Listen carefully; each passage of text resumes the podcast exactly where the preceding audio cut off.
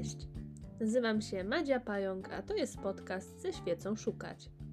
Jestem researcherką i genealożką, a w tym podcaście mówię o wszystkim, co związane jest z informacją. I nie tylko. Serdecznie Cię zapraszam.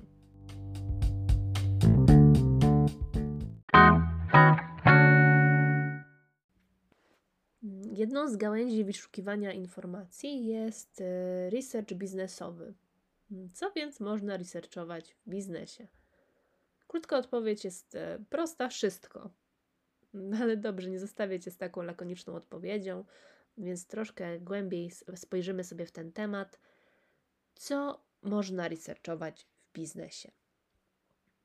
Grupa docelowa.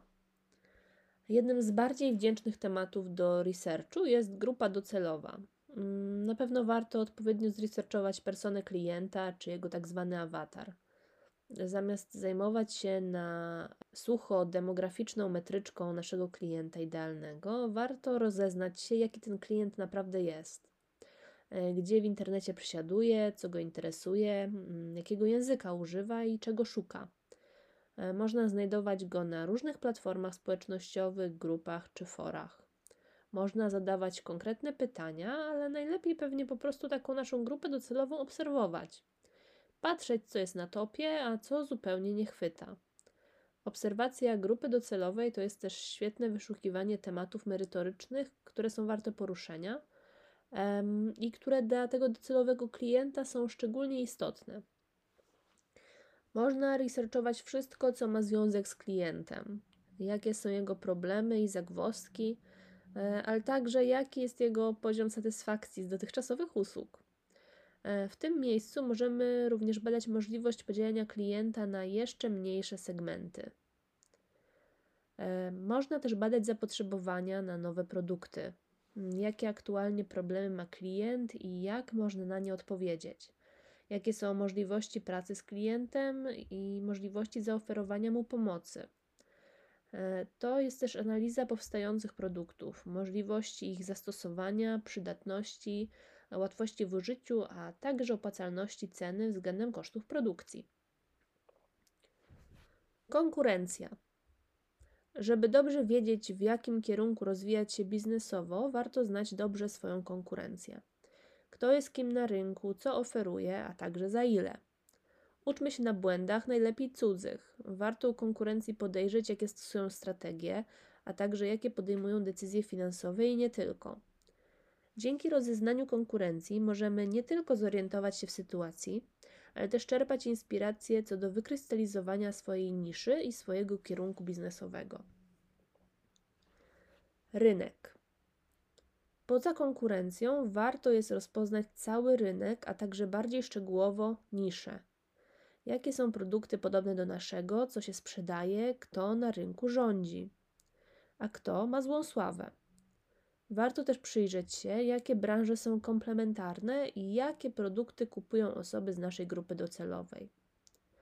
Research rynku polega po prostu na analizie danych w celu wytyczenia najlepszej drogi rozwoju. Można też zajmować się finansami. Jakie ruchy biznesowe przyniosą największe zyski? Tutaj znajdziemy analizę ryzyka, a także ocenę rentowności inwestycji. Trendy.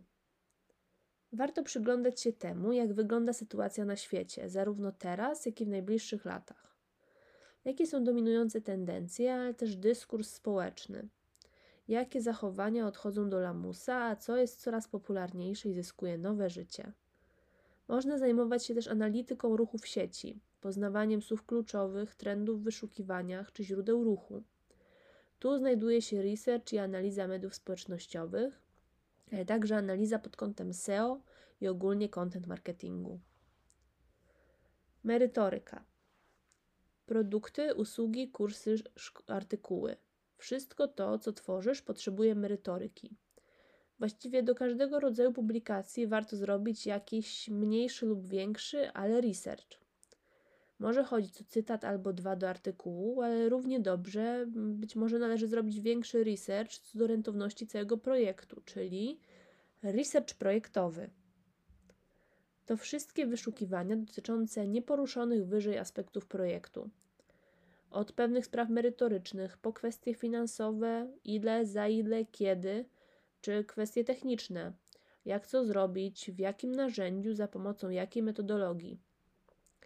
Tak naprawdę jest to najszersza kategoria researchu, bo wyznaczają ją bieżące projekty i indywidualne zapotrzebowania wiedzowe, które, no uwaga, truizm, różnią się między różnymi osobami. Bazy danych, czyli ostatnia już kategoria. Bazy danych kontaktowych czy innych danych, których potrzebujemy. Możemy mieć bazy klientów czy kontrahentów, przydatnych usługodawców, właściwie bazy wszystkiego, co ci się tylko zamarzy. Jak widzisz, jest tu na niej kilka rzeczy, które warto wyszukać w biznesie. Pamiętaj jednak, że ta lista jest w gruncie rzeczy nieograniczona. Dużo zależy od specyfiki Twojej niszy, Twojej grupy docelowej, a także Twoich biznesowych celów. Możesz szukać czego tylko potrzebujesz.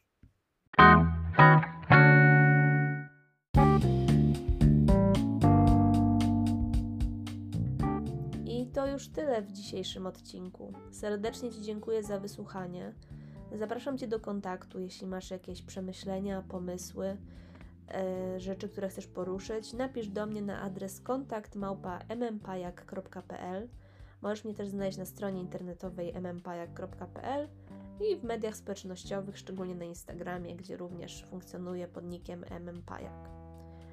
Serdecznie Ci dziękuję za dzisiaj i do kolejnego odcinka. Thank you.